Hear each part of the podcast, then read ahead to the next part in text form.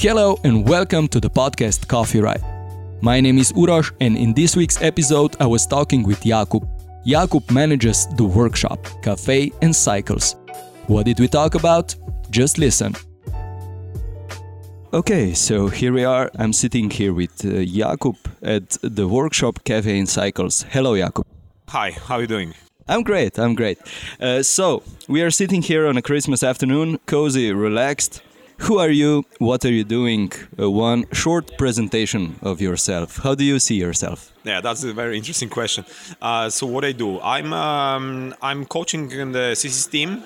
I'm the coach responsible for a preparation, like a cycling preparation, focusing on sprint, working very closely with the sprint guys in the team, and just cycling is my life. Yeah, that's that's how it is. Yeah. We are uh, recording a podcast coffee, right? Which coffee do you prefer? Which coffee do you like? Uh, recently, I'm really into espresso, double espressos. uh, it's a it's a good thing as I own the coffee shop with my wife, so we we are able to to try the new the good grinds. We have a good machine, so we're really into it. But so double espresso, like uh, it's it's my my thing right now. Yeah. Okay, like you said, uh, we are sitting at your coffee shop, but how did your career started uh, in cycling? Um, how did you find cycling? Did it grow you knew uh, since you were a kid or something like that? Actually, yes. The bicycles were in my life forever, from the young young kids, like uh, let's say, couple years old. But I get introduced to something more serious in the night. 1995, I think. That was my first race, but it was mountain bikes. I was not working, racing, or doing anything with the with the road. It was just mountain bike boom in the, in the mid of 90s in Poland. And um, because of the riding of the bike, I also went to the sport university, and uh, then I get interested in the in the coaching and the whole idea. I, and that probably is because I was not very good the, as a rider. I was more interested in the the whole idea how to prepare to be better. Yeah. So basically, I was looking for answers, and then that's how it started. Yeah. So then the workshop came, your coffee and cycle shop. How how did this uh, idea grew? Uh, I read about it, but it is more personal if you tell it yourself basically this the the whole concept about the about the the place where you can rent bikes and eat good food it came more from from my wife's side uh, because she's crazy about the food and cooking and healthy lifestyle and uh, but really the the story is quite longer. We met in america. I was living in florida for uh, seven years. That's where i was finishing my education also as a coach. So i went to states because i want to that was the beginning of 2000 and uh, the whole let's say like knowledge that was 20 years ago almost. It was um, the whole knowledge was in uh, kind of in states yeah, about the power meters and everything. So i get really into it and i came i went to those states for uh, six months and i stayed seven years.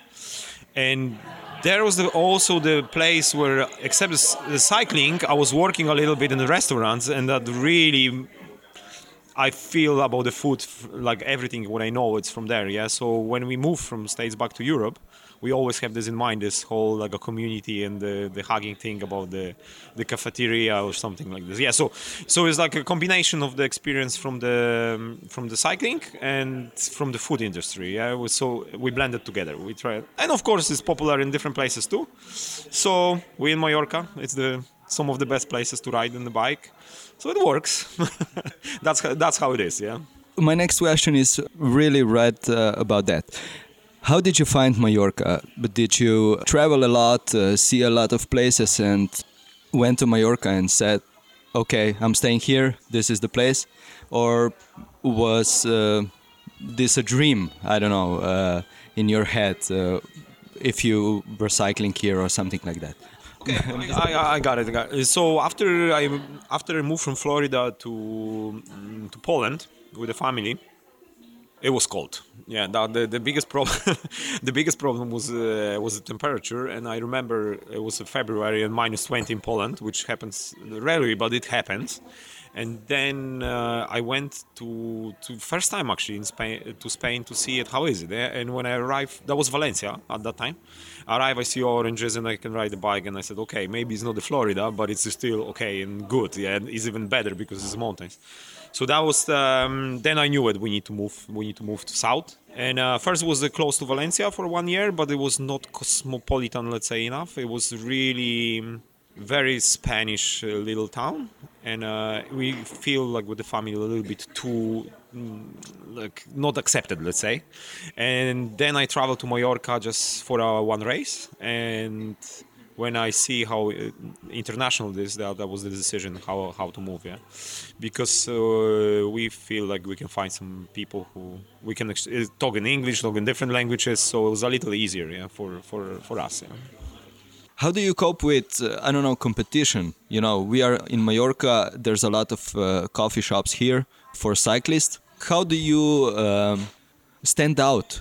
Uh, well, that's true. A lot of coffee shops, a lot of competition, is a lot of restaurants. First of all, I think we do have the best breakfast in Mallorca and I'm not trying to say this just because it is. It is. That's my opinion for real, and people are telling me this. So we're very focused on the something which happens in the morning. Then my wife is probably some of the craziest chefs I know, and she's really precise. Yeah, so she makes me crazy daily, but then the precision uh, makes the thing different. Yeah, and probably we're only only one place when you can come and rent the bike and have help with the fixing bike. And so it's like when we talk before opening this about the concert was something you look Rapha shop they focusing on selling clothes other ones are doing something else. So we say okay we have a bikes for rent fixing bikes and food for everybody. Uh, and then if somebody wants to come as a group also this yeah. But it's not uh, easy market yeah. It's because really the competition is it's high in general. It's not about only the cycling stops yeah. In, in general it is the big competition over here yeah. But it drives product good yes. I mean, I'm I'm first time in Mallorca, and uh, I was quite shocked uh, on the road about how calm the, the drivers are. They are very respectful for the riders. Uh, how did you see that? Uh, I mean, I don't know uh, for Poland, uh, but in Slovenia, that's really horrible. uh, yeah, about Slovenia, I was there a couple of times, and they're they're a little bit crazy. But I think it's like in Poland is crazy too. So I don't feel the difference between Slovenia and Poland. It's uh, maybe it's not dangerous, dangerous, but the drivers are pushy for sure. Yeah, they honk, they yell, and here, you know, they it's just they used to because uh, this is basically winter in Mallorca. It's let's say designed for a sport yeah and people know and uh, they know about uh, without without cyclists without triathletes it's no business over here yeah so people are accepting this because they understand there's also money coming from this yeah so for Spain, this is probably like the calmest place, yeah. And there's a lot of roads. There's a lot of places which really you don't need to, you don't need to push.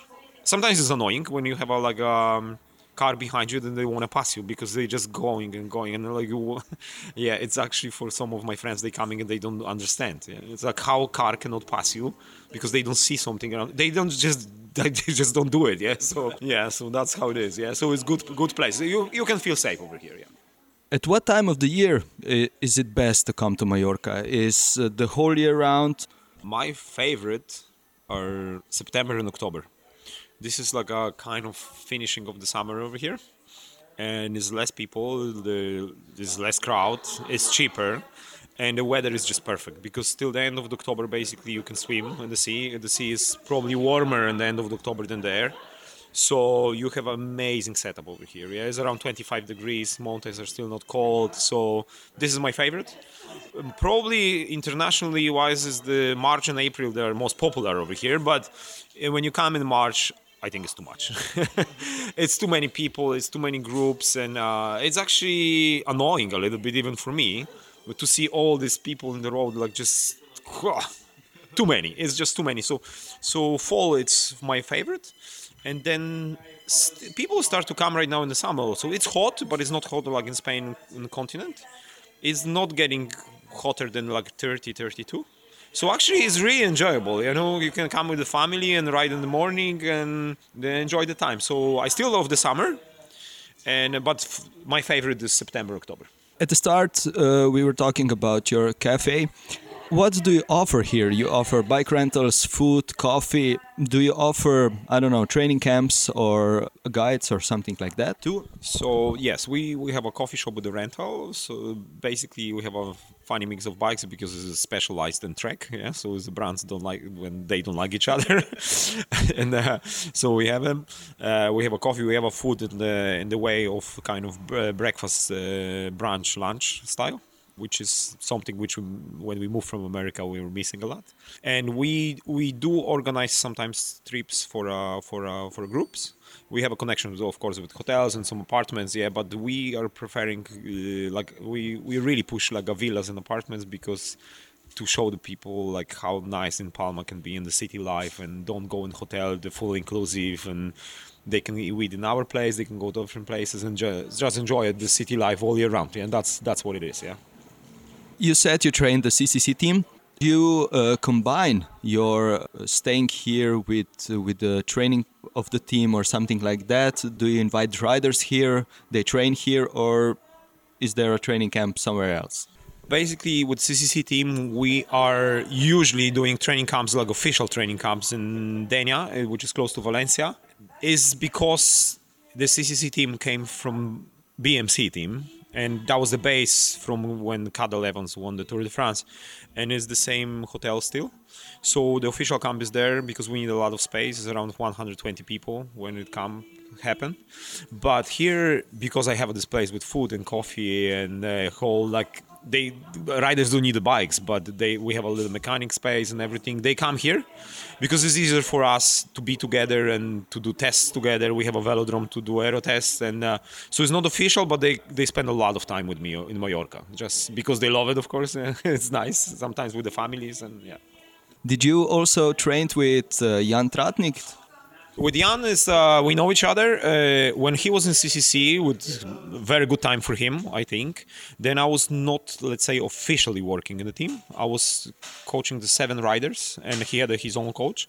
But I was uh, helping him with the. We did the aero test in the, in Warsaw actually, with him uh, in Velodrome, and also I was with him uh, doing some tests and uh, in Warsaw Te- University of Technology, which is Aerotunnel. Yeah, that was the, some of the first tests over there made. I don't think we were perfect, but we learned also a lot because also the Aerotunnel guys were learning a lot. So yes, we know each other, and I know he he really likes he really likes CCC team. Yeah, I, I know it, it's some love in between yeah, him and CCC. So maybe one day he will be back. I don't know. Yeah, let's see it. Yeah, that's great. uh, okay.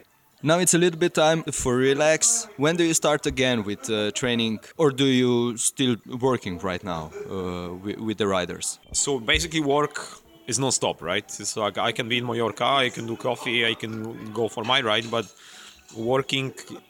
Basically, the only break we have it's kind of in November because I'm responsible for planning their daily daily schedule and daily like exercises and whatever what's happening there with connection with doctors and like some specialists from the gym exercises also from DS uh, director sportifs. So I'm kind of responsible for this so never stops. But it's based sometimes on the internet sometimes on phone calls sometimes in the live thing together. So it really but it's going on like non-stop yeah. I read about you being in the in the cars on the races. How is that managed? What do you do? You you advise riders to do something at what section or something like that? Actually it works like this. We have a um, system uh, in ccc team. The coaches is actually is me usually and marco pinotti and we share time trial races between us. We decided on the beginning of the season, and then depends how the how the year also is it's, it's going. But uh, in the regular race, usually it's director sportif, like in every team. But we are going in the car and we are planning the days and planning the real like a racing for uh, time trial days we do for everybody but of course we're focusing on our the best riders and when we have a chance to achieve something uh, like good result. So basically if i'm going to the racing it's always a time trial. I'm not just hanging around. It's a special thing i do. So usually i arrive two days before doing recon or sometimes recon happens two months before but i still go before. I'm checking the road i'm doing planning i'm using softwares analytics uh, aero analytics it's uh, it's a lot of numbers and then depends of the rider but of course when i'm some riders like it more some less but i'm the guy on the on the microphone on the radio and they yeah they can close their eyes and we're going for a plan. Yeah so it's like like you ask for a section or i plan to say yes we do. We plan the very precisely each uphill uh, every little bump it's planned. If you really want to be good in time trial there's no other way. Also i read that you have a keywords. What are those keywords? You can you share them with us? Yeah i mean everybody is different yeah? So some guys wanna be talked a lot, like I said, and some guys don't. They wanna just like the keyword or something is like left full and or left crazy or something like this, and they actually they actually trust you and believe you, yeah. Because some for some some guys you're gonna say this, he really, even if he forget the turn, which it happens, when you tell him like uh, left full on or on off depends of the person, it just goes, yeah it just goes pedaling, and then if you make a mistake, the guy is in the bush. Yeah, I mean he can crash. It's it's uh, it's it's stressful in the car, and it's a lot of adrenaline. Usually after time trial, I sleep 12 hours. I mean, I remember I sleep 12 hours. It's not like I'm going to the war, but really after, if I take a glass of wine, I'm just falling asleep. It's um, the adrenaline you get because you're responsible for uh, like result is first, but you're also responsible for the life of this person because we're going fast. Yeah, some corners you go 80 kilometers per hour, and then if you fuck up the corner, sorry, but it's uh, that's what happened with the Chris Froome the um, last year when he crashed on this building. Yeah, that was on training, but. I don't know exactly what happened, but I remember this corner from the training and then from the race when he was already in hospital, like how I called this corner for the riders, right? Like how dangerous was it? So you do that mistake, the guy can be broken in the half. Yeah. So yeah. So the keywords exist, but everybody is different. And uh, Italians they like different. Italians like uh, more screaming. The other guys don't know. Uh, it's it, it's really personal. Yeah. Okay, and my next question is right about that. Did something funny happen uh, in a race, like an anecdote that you can share with us? yeah, it happened. I mean, now it's an anecdote, but it was not so funny. During last Vuelta. I mean, this year Vuelta, we were that was the time trial in Pau when um, actually my plan was with Patrick Bevin to to win with your guy Roglic. We almost made it. It was 20 seconds. We get the second position. We were super happy. It was not enough. Uh, close, but Roglic when he's on fire, it's it's hard to get him. But so it was a super happy day, and I was really focused on this guy and uh, but we also have other guys yeah? And uh, i i'm responsible for planning and a whole day of the time trial. And of course the it was the plan on the bus printed plan on the bus printed who follows who what bicycle goes where. So we have a, um, a rider from um, he's uh, from belgium nathan van Hooydonck. And it, it was not the day for him to go super crazy right? But okay he had a guy mechanic following him but he forget yeah him. The mechanic didn't leave after him. Yeah, and of course, what happened? He got a flat tire, right? So that the the story follows like this: yeah, he get a flat tire. He has no car behind. He screams. He screams to people. it's nothing you can do. Um, and then uh, Cofidis pass him. Other team pass. I don't. Uh, he tell me about Cofidis. They didn't want to do anything. And then uh, Bora was Apache Via coming. Uh, I don't know if it was after Rafał Majka. I don't remember which no, probably other rider. But anyway, they stop, yeah, and they want to help him, but they have only bicycles with the disc brakes, yeah, and we have uh, time trial bikes with the regular brakes. So what they can do, they give him bike, yeah, uh, they give him different bike, specialized. We're sponsored by Giant, and then the only problem is uh, normally the Nathan is like he's one almost 190 centimeters and they have only small bikes. So they give him i think was 52 so nathan uh, we have some pictures but it's very confidential. It should not happen. Uh, be shown to people. But uh, nathan uh, riding on the 52 bicycle he looks like a giant on the kid bike and there was a road bike and he still finished like on 30 position or something like this after waiting for it was a mess. Yeah he came like really mad and screaming. The mechanic was crying. Nobody get fired. On the end is now is now is fun. Now it's fun but uh, we still don't know how it happened. We, we we we came with the new protocol of checking the things yeah so yeah. Uh, so okay. When i was reading about your uh, private coaching practice it all really started with uh, Rafał Wilk, and uh, he's uh, winning a gold medal in London at uh, Paralympic Games. Did his gold medal help your career, or yeah, did it give it a boost? So yeah, Rafał was uh, the guy I met after I came from America. We actually are from the same region in Poland, but we never knew each other before, and. Um, like we live probably like 50 kilometers. I mean, our hometown hometowns are like 50 kilometers away from each other. He was after the accident and um, on the speedway. I don't know if you guys know in Slovenia. Probably you do. Yeah, yeah it's quite popular. So he was quite good guy uh, on the speedway, and then he crashed, and he has his spinal cord broken, and uh, yeah basically the life on, on, the wheelchair. But he was a very sporty guy, and before the accident, he was also the Polish champion amateur in the mountain biking, and so he was really fit guy. And uh, when I came to States, he he was starting. his he's riding on the bike, and he was interested in the power meters. And for me, it was a challenge because you have uh, some guy on the laying down bicycle uh, using his arms to power something, and that was like, wow, okay, let's try it. Yeah, that was really something new no research about it at all. So we started, and uh, after two years, he won two gold medals in London, and um, that's really something.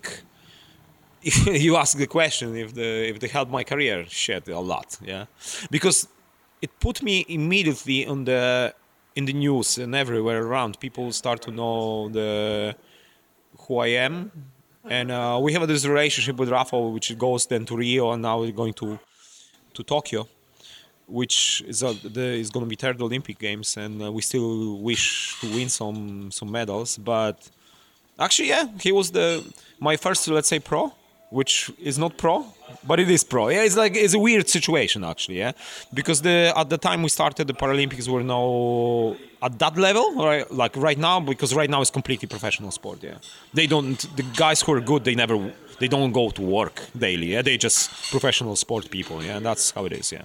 So it was a big. Yeah, we are friends forever. Yeah, because of this. Yeah, it helped me. I helped him, and it's amazing stuff. Yeah. So, which is your ultimate coffee ride? Some uh, place you've been with your bike, uh, stopped at the coffee, and uh, enjoyed it. Do you have something like that? Yeah, I do. I mean, the thing is, the coffee ride usually you think is something uh, something short, and uh, but I would take something more a little bit longer. And it is in Mallorca. It's actually stopped in a little town which it calls Algaida it's easy to remember because it's like Al Qaeda. and then there is a place close to gas station uh, where uh, it's uh, like an old restaurants. Is open I think in 20s and they do their own very popular I mean it's typical for Mallorca is uh, is a pastry called ensaimada. It's like a it's kind of like a donut or something like this but it's it's fried in the pig's fat and then they put some uh, hazelnut cream in. I don't know, some crazy stuff there. Eh? Amazing, and usually it's sunny over there, and it's it's super like a historical, but it's also the quality is is just wow. So this is, I think, for me, the coffee coffee stop is the best. Yeah, and the second one, I have a one second because when I live in states in Florida, I was missing mountains so much, and I every year I go to Georgia to mountains where it was a tour of Georgia a long time ago, and there was a place called Mountain Helen, and actually it was the there was a town which was opened by Swiss immigrants, the guys who were looking for a gold in long, long time ago. But of course, gold finished, and now they have uh, chocolate factories and then the toy making, like uh, warehouses from wood. Yeah. So basically, you arrive to um, to in Georgia in the woods, and you have a German Swiss, let's say, town with the music playing like in German outside the shops uh, with the chocolatiers and stuff. It, it's really weird place, and I love it. Yeah, this is something. This might be another one. Yeah. Okay, for the last thing, some advice for the listeners. I don't know, maybe invitation here or just one closing thought from you. I can say you all guys probably mostly gonna listen this in Slovenia, let's say. So as I feel, I just wanna say, come here, visit me, let's talk. I really like your country. I feel like we are very connected. When I was first time over there, I feel like we, like you're kind of close to my heart because you understand what I'm saying even in Polish. So you're kind of nation like we are very connected, but we far away from each other but yeah it's something we have together which is very similar yeah like very similar so when you're in mallorca just come just come and say hi jakub thank you for this conversation really dziękuję For the end of the episode, I just want to say thank you again, Jakub, for the great coffee and hospitality. See ya! Copyright je na voljo na skoraj vseh podcast platformah: Apple Podcasts, Google Podcasts, Spotify, Anchor in na trikrat vojni ve.coffeeright.com.